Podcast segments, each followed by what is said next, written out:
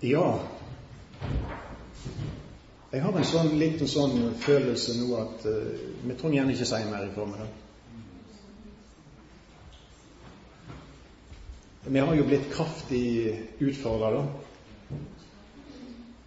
Og Nå kjenner jeg at inviterhjertet mitt pikker litt og tenker jeg håper ikke jeg nå fordunkler noe av det som har vært sagt allerede i dag. Men at de inntrykkene som de har nå fått fra første timen, at det kunne virkelig henge i videre òg. Far i himmelen, jeg ber om at han deler nå, at det kunne bli òg til forherliga ditt navn. Til hjelp for oss i vår tjeneste. Vi ærer deg. Vi priser deg. Vi takker deg, og vi ber om din hjelp. Jeg arme forkynner. De som skal høre, la riket ditt komme. Amen. Jeg må jo sende deg høre timen i dag, det er jo det er jo kontrasten, det, da, til han som jeg preker. Paulus, Jonas. Det er liksom på hver sin ytterkant. Og Så sa jeg det i går, og så tenkte jeg på det i dag igjen, og vi snakket litt i går. Bibelen er ei herlig skværbok, altså. Med alle disse forferdelige folkene. Så får vi høre om tabbene deres, om feiltrinnene deres og alt dette der. Ikke fordi at vi skal altså etterligne dem og, og, og, gå i deres fotspor, men som vi sier nei. Jeg vil ikke ligne Lot, jeg vil ikke ligne Demas, jeg vil ikke ligne Jonas. Jeg. Sånn? Og så sier jeg at når menneskene skriver sine historier, så er det kun engler. Kirkehistorie er full av engler. Glorie her og glorie der. Og de som altså forsker og finner kjeltringene, det er jo verden. Masse uhumskhet og, og, og forferdelse som liksom kommer fram i, i kirkehistorien. Det er jo verden som har avslørt det. Vi liker å, å løfte opp oss sjøl som heltene. Gud er så skvær, altså. Gir oss sannheten. Og sannheten om oss mennesker, den er så forferdelig at jeg trenger Jesus. I går kveld så, så vi da eh, på kallet som Jonas fikk for å stå opp, reise til den store, ugudelige byen Ninive og rope ut imot ham. Flere misjonærer her har sagt de er usikre på hvor Gud vil lede dem. Jeg har møtt mange som sier det. Jeg har vært det sjøl òg av og til. det. Jonas han er ikke usikker. Det er ikke tvil i hele tatt. Jonas, du skal til Ninive, den store, ugudelige byen, og rope ut imot den. Klar beskjed. Og Jonas reagerer momentant. Det er ikke sånn lunkenhet og lathet. Det er med en gang, det. Så fort jeg kunne, sa han. Straks flykter han vekk ifra kallet. Han sier nei. Ordspråket 23-26 lat augo dine ha hug til mine veier. Det er ikke aktuelt for Jonas. Han har ingen lyst til Guds vei. Han har lyst til sin egen vei. Og en del av det som jeg sier nå, det er egentlig repetisjon av det som ble sagt i forrige time. Målet hans er Tarsis. Eh, jeg tenkte jeg skulle ta en synstest i dag. De som ser best, de sitter bak, regner med. Jeg vet ikke om de klarer å se de kartene, men her er da Joppe. Og så sa jeg litt i går om Tarsis, teorier hvor Tarsis ligger. men de fleste mener at det kanskje ligger i Spania. Og så rømmer da Jonas. Jeg må si så, som regel si når jeg har kart fra meg, dette er ikke inspirert av Gud. Og det betyr at det kan være feil. For vi vet ikke hvor, hvor han kom i land senere heller. Men i alle fall så går han ut ifra Joppe her, og så ut i hav Middelhavet. Eh, han tror på Gud. Men han tror ikke at Gud sine veier er best for ham.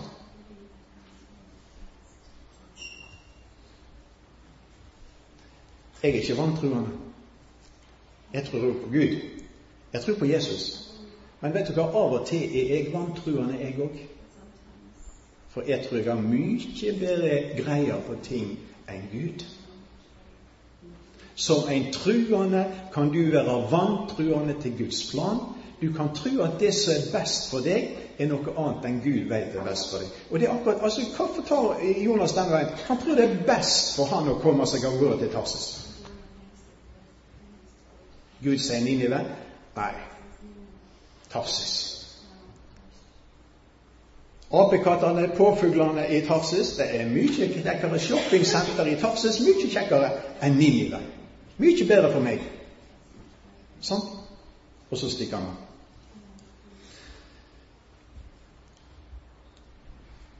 Han er en nei-tjener. Og så sa jeg til slutt i går Jeg avslutter litt brått, og sånt, men jeg nevnte til slutt en som kom ifra det høye inn i vår verden. Gikk det noe som var mye verre enn Ninive, nemlig Jesus Kristus. Han er den største av alle tjenere. Hva hjelper meg å bli en ja-tjener? Jeg tror den beste måten å gjøre en nei-tjener til å bli en ja-tjener, det er å betrakte Jesus. Tenk på han. Se på han. Se eksemplene, se Paulus. Lær av dem, og lær at Guds vei er best uansett. Så kan vi lure på Kjente ikke, kjente ikke Herren Jonas? Visste ikke han om eh, karakteren hans? Ja, han hadde jo brukt han før, sant? Og han hadde brukt han med veldig godt resultat. Han hadde framstått som en sann profet og preikte Jeroboam og det karen om store seire, og det hadde blitt det. Men visste ikke Herren at Jonas kom til å reagere sånn som han nå gjorde, da? Ja visst visste han det.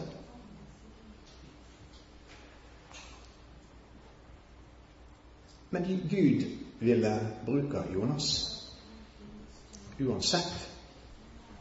Jonas er Guds valg, og Gud veit alt som kommer til å skje.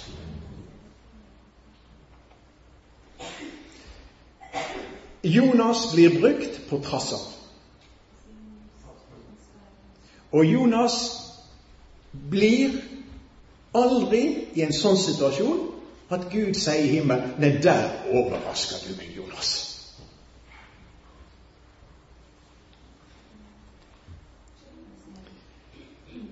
Kunne ikke Gud valgt en annen?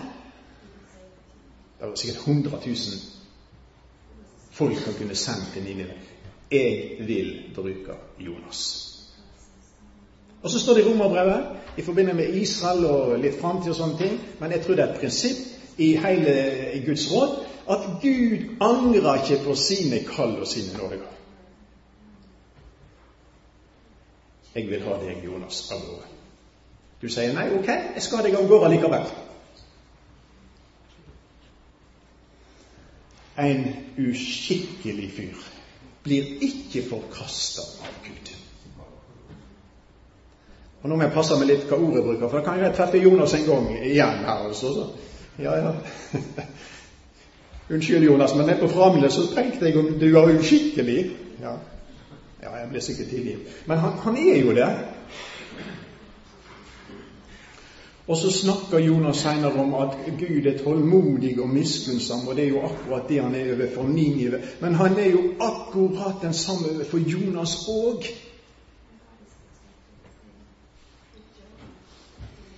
Og dette fryder meg over, skjønner du. Jeg har så masse Jonas-stoff i meg. Jeg vet ikke om det er andre Jonas her i dag.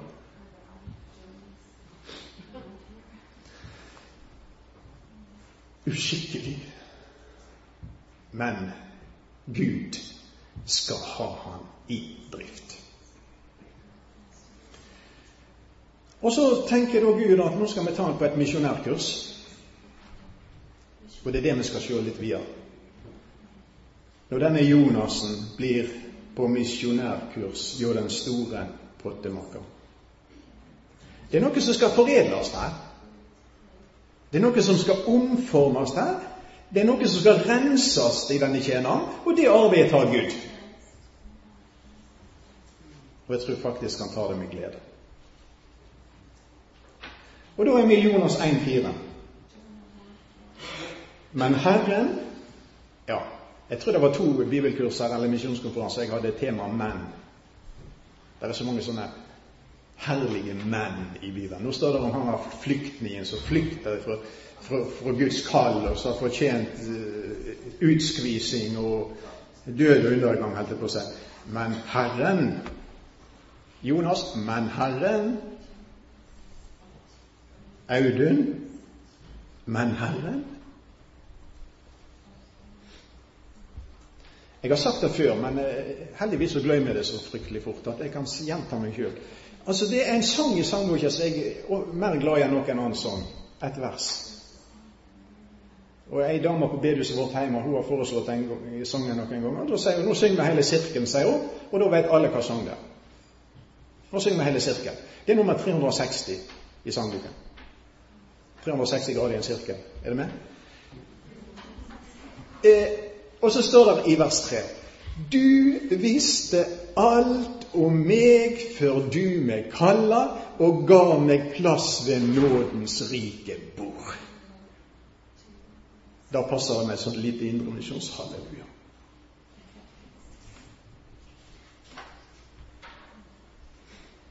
Du visste alt. Hele livsløpet. Hele tjenesten alle feilene, alle svakhetene, alle fornektelsene, alle sviktene, alle gangene jeg var feig, alle gangene jeg var en kujon. Visste alt om meg før du meg kalte, og ga meg plass ved nådens rike bord. Vet du hvor rikt det er? Der er alltid nåde nok. Men Herren, står det altså i vers 4, sendte en sterk vind utover havet. Det var en sterk storm på havet, og skipet holdt på å bli knust. Da ble sjømennene redde. De roper hver til sin Gud. For å lette skipet kasta de lasta på sjøen. Men Jonas var gått ned i neste rom i skipet og lå og sov fast. Skipsføreren gikk da til han og sa:" Korleis kan du sove så fast? Stå opp og rop til din Gud kan hende han vil tenke på oss, så vi ikke går unna. Og sjømennene sa til hverandre, kom, la oss kaste lodd, så vi kan få vite hvem som skyld i at denne ulykka har råket oss. Så kasta de lodd, og loddet fall på Jonas. Da sa de til ham, si oss hvem som er skyld i at denne ulykka har råket oss. Hva æren har du, og hvor kommer du ifra? Hva land kommer du ifra, og hva folk hører du til? Han svarer, jeg er en hebreer. Det er ikke mange som har bekjent det i Bibelen. Men her har du en nasjonalist som ikke liker hedninger. Og jeg dyrker Herren, himmelens Gud. Ja, det så jo ikke akkurat sånn ut. Han som skapte havet og det tørre landet. Da var mennene felende redde og sa til ham, Hva er det du har gjort? For de visste at han rømte bort fra hennes åsyn. De hadde han fortalt deg. Klar bekjennelse. Og de sa til ham, Hva skal vi gjøre med deg, så havet kan legge seg for oss? For havet ble mer og mer opprørt. Han sa da til dem, Tak og kast meg i havet. Så vil havet legge seg for dykk, for jeg veit at det er for mi skyld denne stormen er kommet over dykk. Sjøfolka reiste, freista å ro til landsa, men de greide det ikke. For sjøen bar bare mer og mer imot. Da ropa de til Herren og sa, Å Herre, lat oss ikke gå under av de denne mann lyter, lat ikke skuldløs blod komme over oss, for du, Herre, har gjort som du ville. Så tok de Jonas og kasta han på sjøen. Da holdt havet opp med å rase. Det kom stor frykt for Herren over mennene, og de bar fram offer for Herren og gav lovnader. Ei utrolig historie. Men det begynte altså i vers 4. Men Herren sendte en sterk vind ut over havet. Hva er dette her for noe? Dette er en omsorgsvind. Dette er en nådestorm. Dette er ei gudsendt krise, sånn som vi ofte ikke liker. Det kan være motgang, det kan være ulykke, det kan være krise, det kan være sykdom, det kan være prøvelser. Det er sånne bitre ting. Og så plutselig er vi midt inne. Ja, det var en som sa at sjå, det bitre var til fred for meg. Ja, det bitre. Så kan jeg spørre deg hvor mange ganger i dag, eh, i dag Hvor mange ganger har du bedt om bitre ting. Hvor mange ganger har du bedt om Herre, hvis det er nødvendig, så bare send en storm. Bare har jeg blåst. Hvis det ærer deg, Gud, så kan jeg gjerne beholde de smertene her. Og hvis det ærer deg, så må du gjerne fri meg fra de smertene.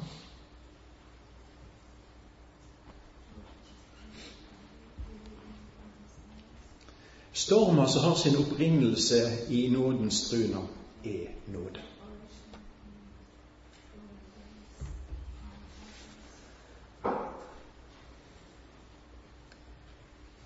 De kan være forskjellige, veldig forskjellige, de stormene Guds barn må inn i.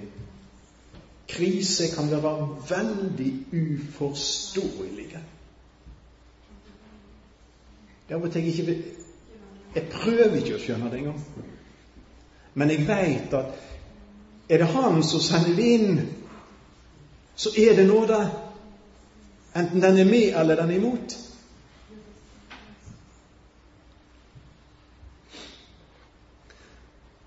Han fører vind ut av opplagshusa sine, sier salmisten, salme 135, 7. Han sender vind, og vind lyer. Tenk om vi hadde vært sånn som Jonas. Nei, jeg vil ikke være østavind, jeg vil være sønnavind. Altså, det, det, det, protesterer ikke i naturens verden. Det lyver. I menneskeverden, der er det vil, vilje, og der er det mulighet å protestere. Så får vi et lite stormreferat fra vers 5. Da ble sjømennene redde. Altså det, det, er ikke noe sånn eh, bare kvitte topper her på bølgene, men det er en kjempestorm. Og skipet holder på å bli knust. Det er krise. Og disse sjøfolkene de hadde vært på sjøen før. kan du være helt sikker på. Men nå er de livredde. De roper hver til sin Gud. Og det var ikke mye hjelp i. Men det gjør det likevel. I Salme 115 der får vi en beskrivelse av sånne guder som disse her roper til. Og det er veldig greit når Gud beskriver avguder, for da har du sannheten vers 2, Salme 115, 2. Hvorfor skal hedningene si hva er nå deira Gud? Og så kommer vers 4. Avgudene deira, altså til hedningene. Avgudene til hedningene, de er sølv og gull, et verk av menneskene, de har munn, men taler ikke, de har øyne, men ser ikke, de har øyne, men hører ikke, de har nase, men lukter ikke, hendene deres kjenner ikke, føttene deres går ikke, de har ingen røys i strupen. som de sjølve er, slik vert de som lager det. Hva er den som setter sin lit til det? Hvordan er det? De er totalt hjelpeløse. Hvor blir de som setter sin lit til deg? De er totalt hjelpeløse, de òg. Og så har du noen intense gudstilbedere om bord på et skip i storm, og så roper de til gudene sine. Rop! Da, med, da er det sjela, da er det alvor, da er det fra djupet av et menneske. Og det er skikkelig inntrengende bønn, men det er altså bønn til, til noen guder som ikke er guder. Stakkars folk. Stakkars nordmenn så ikke andre guder enn sånne guder.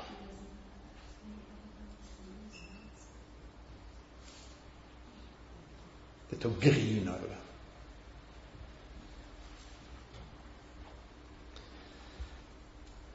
For å lette skipet kasta de lasta på sjøen. Men Jonas ja, lasta på sjøen. Altså eh, hva er det for noe? Altså, de opplever tap. Noen hedenske sjøfolk opplever at de mister last. Dette her kunne de sikkert tatt med seg til Tarsis og solgt for dyre, dyre pris, altså. Og så må de hive det på sjøen. Hva regneskap blir det til slutt? Kommer tomt skip til, til Tarsis. Fiaskotur, bomtur. Og hva er grunnen til det? En kar som tjener Gud, eller som nekter å tjene Gud. En kar som flykter fra Guds kall, blir årsak til tap for andre. Problem på grunn av en tjener som ikke gjorde det Gud sa. Tankevekkende.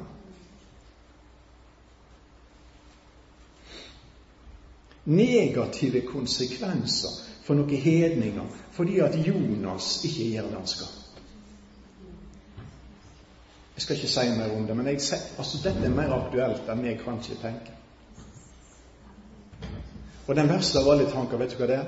Det kan at mennesket kan tape, ikke bare skipslast, men mennesket kan tape sin sjel fordi du tok din egen vei.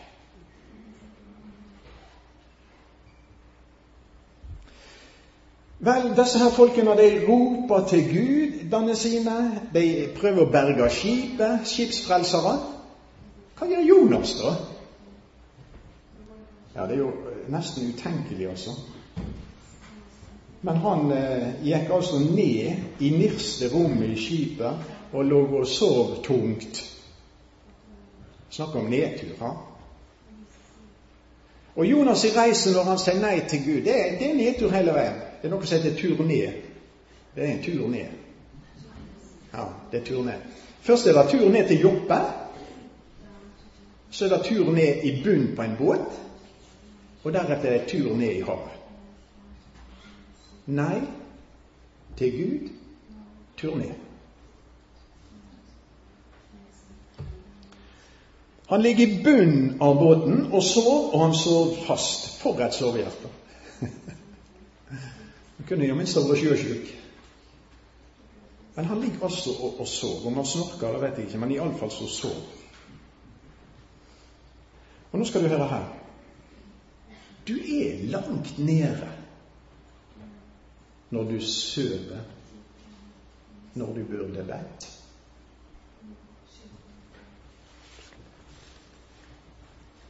For situasjonen nå det er jo at folk er i livsfare. Avgudsdyrkerne på denne båten er nær døden. Og en Guds mann er uten anelse om alt det samme. For han søv. Og når du søv, altså, så er verden vekke for deg. I søvnens verden er det omtrent ingen problem, bortsett fra hvis du får mareritt. Jeg husker jeg hørte om to karer som hadde gjort noe forferdelig dumt. da. Og De løste da problemet når de kjørte hjem igjen. så snakket De om det. De løste da problemet på to forskjellige måter. Den ene reiste tilbake igjen og bekjente det gale han hadde gjort. Den andre reiste hjem og la seg til å sove. Så var problemet vekk. Iallfall i første omgang. Er det mulig? Er det mulig ja, det var jo det han skipsføreren gikk til han og spurte hvordan kan du sove så fast?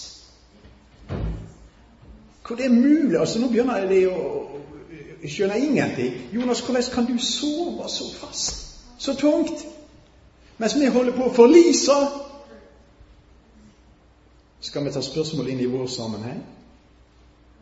Ser du folkene rundt deg? Hva, hva, hva, er de på vei til? De er på vei til å forlise. De er på vei mot ildsjøen.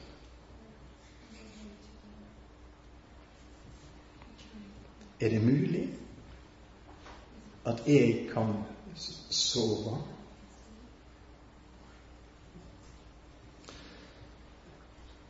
Av og til tenker jeg du, du burde ikke preike det hele tatt. Jeg finner ut sjøl jeg har kjempeproblemer med å holde meg våken. Jeg tror vi opplever søvnens tid i dag. Hvor mye nød har vi for det rundt oss? Hvor mye smerte? Hvor, hvor mange tårer? Altså, det var en av disse kjente karene som sa at den siste generasjon kristne blir en generasjon med stive kne og tørre øyne. Jeg tror det er der vi er. Den som søv, han ser jo ikke, sant? Den som søv, han ber ikke. Den som søv, han et ikke. Jeg har sagt før jeg har sett mange som eter, jeg har sett mange som sover, men jeg har aldri sett noen som har kombinert det. Bibel, bønn og de tingene Det er et, et veldig rop, tror jeg, tilbake til Guds folk i dag om søvnens tid. Vår nød for ufrelse. Altså, Jeg preker mer til meg sjøl enn til noen. Hvor mye er opptatt med å berger sjelen på himmelen, egentlig? Og så taler jo Bibelen veldig masse om søvn og fårene som er forbundet med det. og Du må gjerne lese både Gamle testamentet og Nye testamentet, fordi at disse tingene tror jeg vi trenger. Det er så mange flotte illustrasjoner. og jeg, jeg skal ikke bruke så mye tid på det. Men les om Saul på Kakilahøyden, f.eks. Han er i strid. Han har 3000 utvalgte menn fra Israel med seg. Kjempesoldater. Topp krigere. Og så kommer David og Abisai, det er altså fienden i den situasjonen. Og når fienden David og Abisai kommer, så ligger Saul med 3000 utvalgte menn på Kakilahøyden og sør. Totalt forsvarsløse og hjelpeløse. Og et spydet til Saul han setter ifra seg, og vasskrukka han setter ifra seg. Han er i strid, våpenet er vekke, han er i ørken, vasskrukka er satt vekk, og så ligger han og sover. Og så kan David og Abisai gå helt bort. og Abisai har jo et meget godt forslag. Da syns han ta og nå, la meg få lov å kjøre spydet gjennom så vi tar det da. David han hadde bedre vetende. Men de vekker det etter hvert. Men situasjonen Se hvor, hvor farlig og ubeskytta mennesket er under søvn. Du kan lese om eh, Sisera, denne her hærøvdingen til Jabin, som går inn i teltet til Jael. Hun gir han noe skikkelig god melk, så han, han, er trøtt, og han sovner, han blir dekka til med et teppe. Og så går hun da Jael inn og dreper ham. Det er litt av et kvinnfolk, altså. Mens han sover, så kommer hun med en teltflue og tar livet av ham. Det er som Autikus i troas på møte, sette seg i vinduskarmen og høre på Paulus. Det er jo nesten oppbyggelse for predikanter å ta denne historien. Tenk han sovner mens Paulus preikte, Hva? Kjempeoppmuntrende for meg. Ja.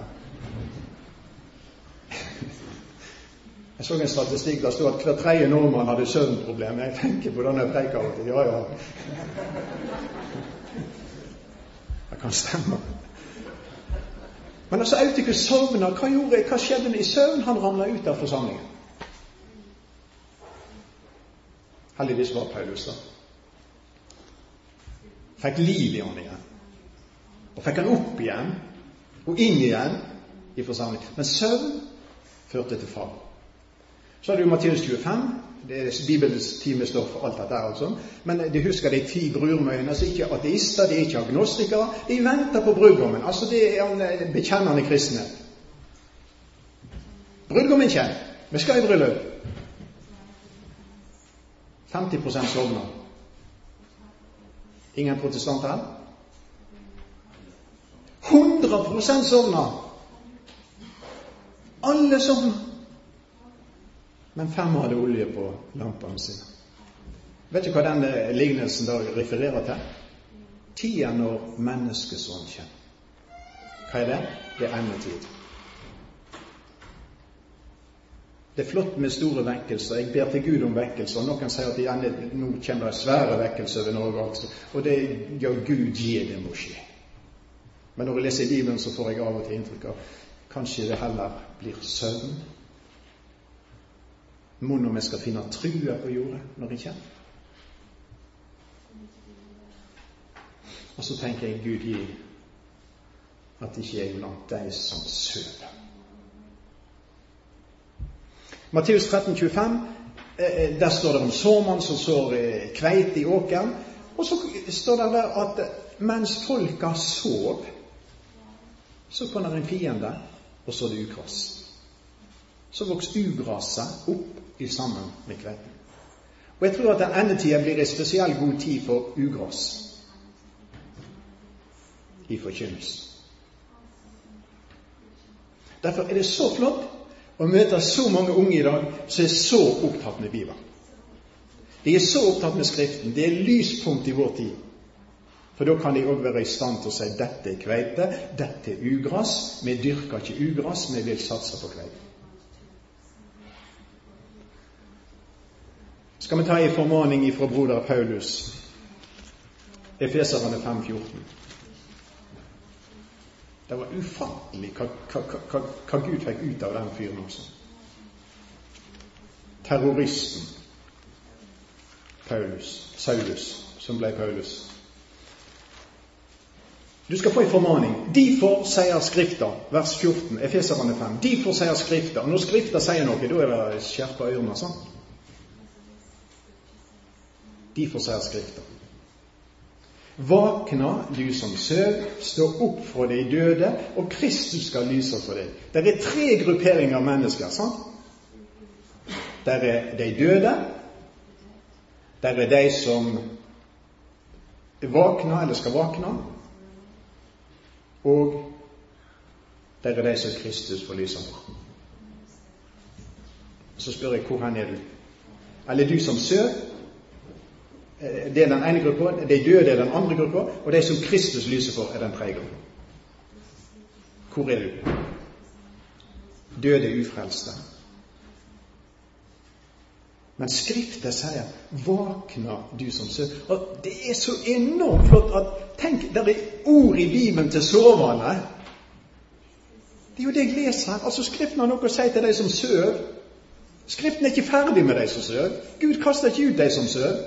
Jonas eller deg eller andre. Skriften, Gud, har noe å si. Derfor sier Skriften 'våkner du som søv'. Det er flott når Guds ord taler til åndelige og, og, og, perfekte folk, men sannelig er det enormt flott når Guds ord preker til sovende. Vakt, og Kristus skal lyse for deg. Vel, tilbake igjen til Jonas. Men kanskje det største problemet for folket vårt i dag er ikke i folket, men jo Guds folk. Hørte du det? største problemet i folket vårt i dag er ikke folket, men det er Guds folk som sover. Må Herren forbarme seg over oss. Skipsføreren, vers 6 Jonas 1, gikk da til han og sa, hvordan kan du sove så fast? og opp og rop til din Gud, kan hende han vil tenke på oss, så vi ikke går under. Eh, her er altså vekking. Og dette er en underlig vekking, for her er det altså en hedning som vekker en profet. Det er sånn opp-ned-vekking, opp dette her. Og så sier han altså 'rop til din Gud'. Og det andre er formaning til Jonas om å rope. I kapittel 1 i starten så sa det Gud sagt til ham at nå skal du gå til Ninive, og så skal du rope ut. Og nå kommer altså en hedning til, til, til Jonas og sier 'rop til din Gud'. Og det er jo en litt underlig situasjon når hedninger vekker Guds folk Så blir de rope til Gud. Men det er faktisk eksempel på at sovende kristne av og til har blitt vekt av hedninger, og så sier hedningen 'du må be til Gud for meg'. Det er spesielle situasjoner, men det er gode situasjoner. Og så tror jeg denne kapteinen tenker kanskje kan han, altså Jonas sin Gud, tenke på oss det har jo ikke hjulpet å rope til deres guder, men kanskje din Gud kan hjelpe oss, så vi ikke går unna. Kanskje er det siste håpet han har. Jonas, din Gud. Kanskje han kan hjelpe oss. Og håpet gjør ikke til skamme. Han ble ikke skuffa, denne herre kaptein. For når Israels Gud ble kobla inn, ble det redning ifra død.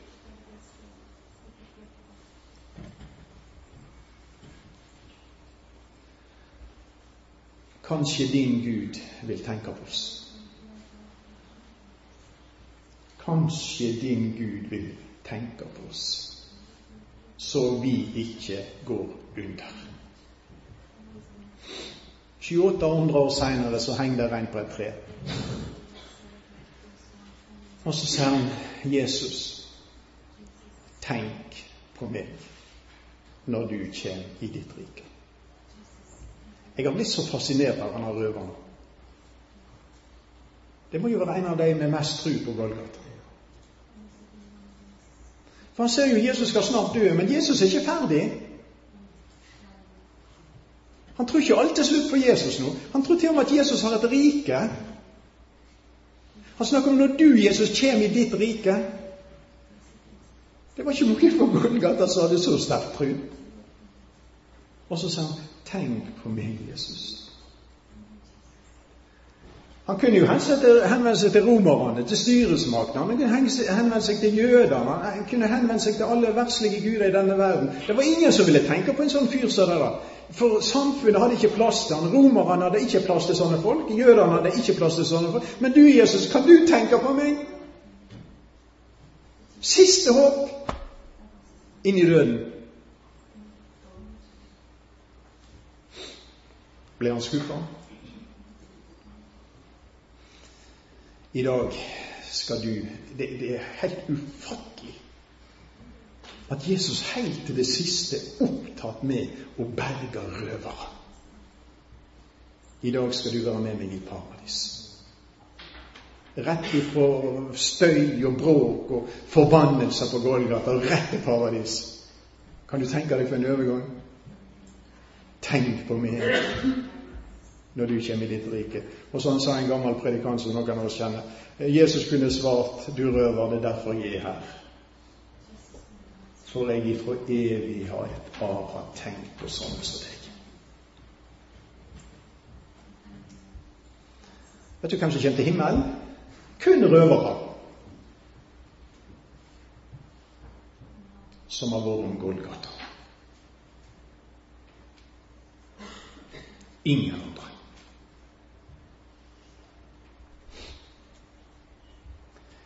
Men Golgata forandrer røvere til hellige.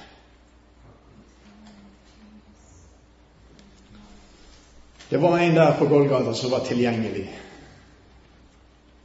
og som kunne hjelpe mye mer enn Jonas.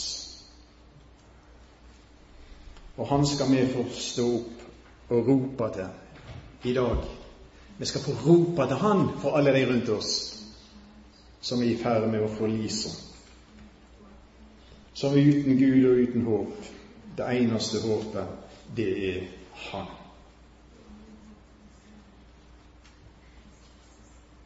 Jeg føler i dag at vi har veldig behov for vekking. Og kanskje ikke først og fremst av, av verden, det òg, men kanskje først og fremst av Guds folk. Det er ikke mye rop til vår Gud for alle disse her som holder på for Lisa.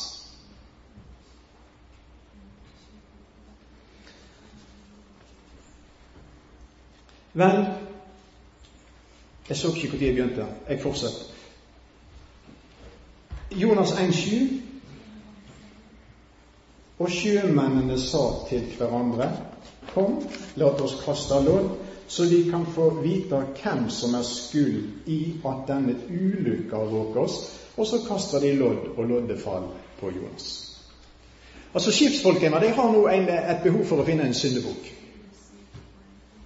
Eh, deres tradisjon og deres tro regner med at det må være noen som er skyld i den elendigheten som har rammet oss. Og så gjør de det som var vanlig for deg, og det som var vanlig for mange andre i sånne situasjoner. Også jødene brukte det. De kasta lodd. Og Herren styrer loddet. Og syndebukken står der. Han er Jonas. Han er den skyldige. Og det tror de.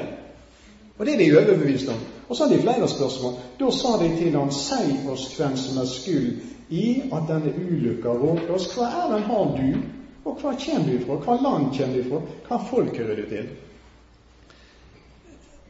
Den store spørreboka, tror jeg det er ei bok som heter. Nå er vi inne i ei stor spørrebok her. Jeg tror denne Jonas-boka har 13-14 spørsmål. De fleste går til Jonas. Og her er noen av dem.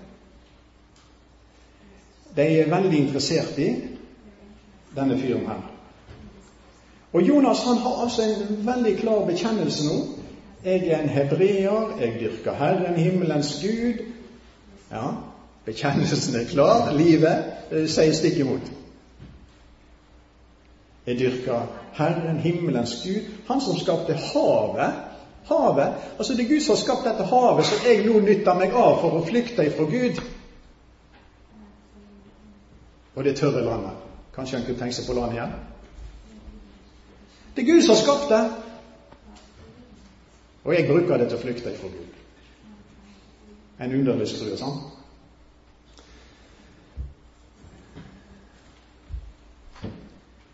Men han er truende. Jeg sier igjen det er ingen ateisme med å gjøre.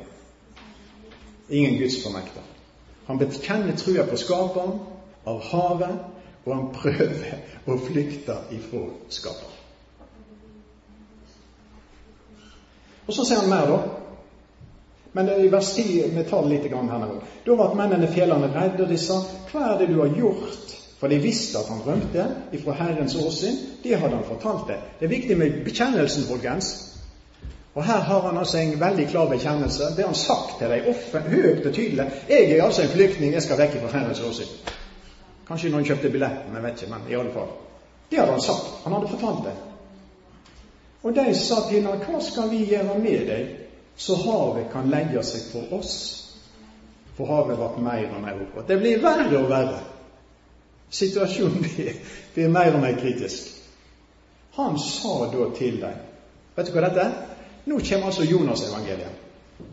Har du hørt om det? Jonas-evangeliet. Og Jonas-evangeliet, det er følgende Ta og kast meg i havet, så vil havet legge seg på dykk, for jeg veit at det er for min skyld denne stormen er kommet over dere. Nå er flyktningen, som altså nekter å tjene Gud, nå er han blitt evangelist. Og hans evangelium er Kast meg i havet, så skal det leve. Jonas' sitt evangelium innebærer egentlig hans egen død. Kast meg i havet, så skal det bli berga. For det er for min skyld denne stormen er kommet over deg. Sjøfolka freister rundt i lands. Altså, de er humane, de her sjøfolkene. Det ser ut for å være skikkelige folk. Og det der, der var for groteskt for dem. Så nå vil jeg prøve å redde Jonas. Jeg har ikke lyst til å gå den veien som Jonas han, han, han beskriver for det her. Jeg vil ta en annen måte, ta en annen vei. De slutter seg ikke til med en gang. De vil prøve å berge både skip og Jonas. De freiste å ro til lands, men de greide det ikke, for sjøen var mer og mer imot. For en situasjon! Kjekke folk, altså. sant? Men de har ikke lyst til å hekte seg på Jonas' sitt evangelium. Nei. De har sitt eget evangelium. Vi skal klare det med. Med våre muskler, med våre gjerninger, skal vi klare å ro denne båten i land, og vi skal berge profeten. De prøver en stund, og så gir de opp. Og så skjønner de at vårt liv avhenger av hans død.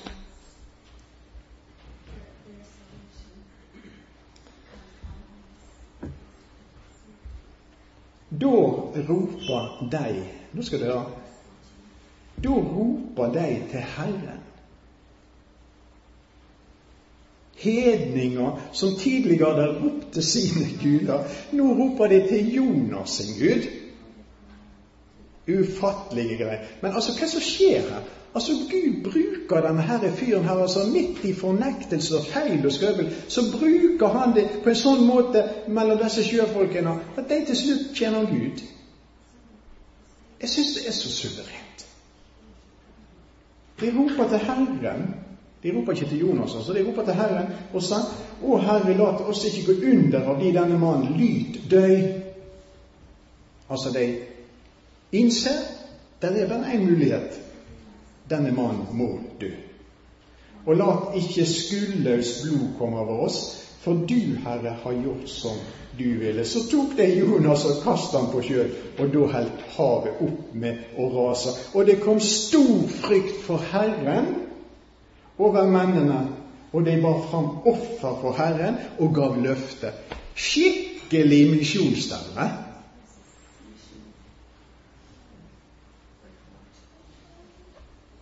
Og nå kan vi jo spørre hva hvis Jonas hadde vært lydig da? Sagt ja første gangen? Ja, det burde han jo gjort. Men når han sier nei, så bruker jo Gud faktisk det nei-et til å frelse en Jeg tror de der ja, jeg, Av og til fantaserer jeg sånn litt. Men jeg tenker at i himmelen blir det god tid. Jeg skal bruke ei stund på å se etter sjøfolk ifra Tarseskip i himmelen. Vet du hva jeg tror de blir da? For det de opplever nå, altså, det tror jeg aldri de glemte.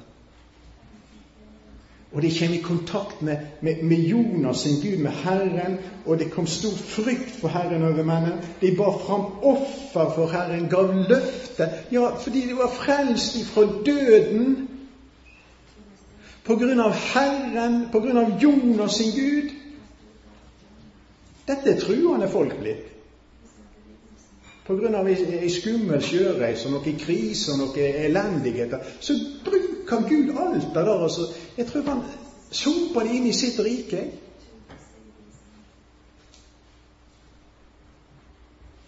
Gud er suveren. Og nå har jeg brukt tida mi, men det skjønner jo altså når jeg snakker om disse tingene, det skjønner jo det at dette òg er forbilder. Sånn. Spørsmålet på båten er skal vi alle dø, eller skal han dø? Så hiver de han over bord og berger livet. I det store perspektivet skal Jesus dø, eller skal vi alle dø?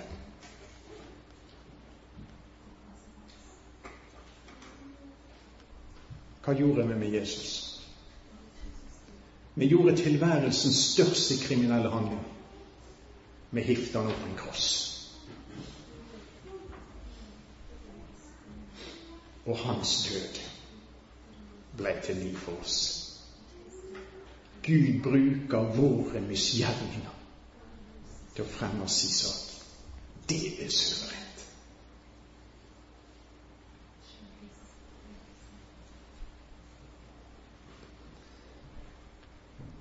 så ofra de til Gud.